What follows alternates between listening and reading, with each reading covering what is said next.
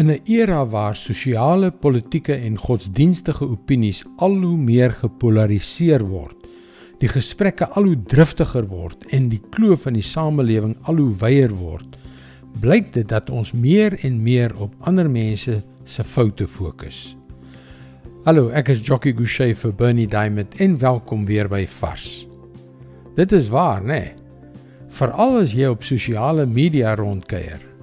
Haarklowery was nog nooit so maklik soos vandag nie. Groepe word gevorm rondom idees, rondom wêreldbeskouings, rondom godsdienste. En ons voel verplig om ons groep te verdedig deur die vyand te verslaan. Maar is dit regtig waaroor die lewe gaan? Regtig? Die Griekse filosoof Aristoteles het dit een keer so gestel: Ek ag die persoon wat sy eie begeertes oorwin dapperder as die persoon wat sy vyande oorwin, want die moeilikste oorwinning is oor diself. Ja, kou maar daaraan. Dis die waarheid. Om jou eie begeertes te tem. Hm, selfs om jou tong te tem, kan party dae amper onmoontlik lyk. Maar gelukkig is ons nie alleen om ons sondige begeertes te oorwin nie want vir enige iemand wat hul hart en siel ten volle daarop ingestel het om Jesus opreg te volg, is daar krag, oorvloedige krag, kitskrag, meer krag as wat ons ooit nodig sal hê om dit wat ons weet binne in ons verkeerd is te oorkom. 1 Korintiërs 10 vers 13.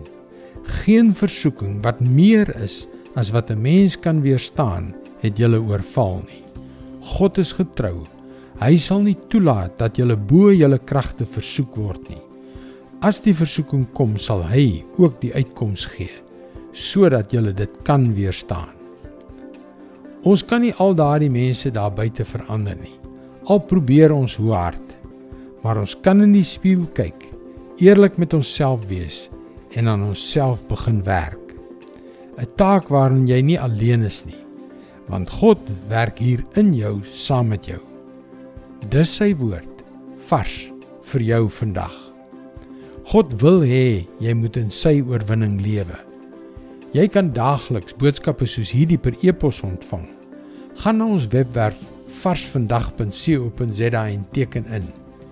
Hier by Christianity Works is ons passie om ontelbare lewens een vir een te sien verander terwyl ons die goeie nuus van Jesus deur middel van die media oor die hele wêreld versprei, ook in Afrikaans. Mooi loop. Tot môre.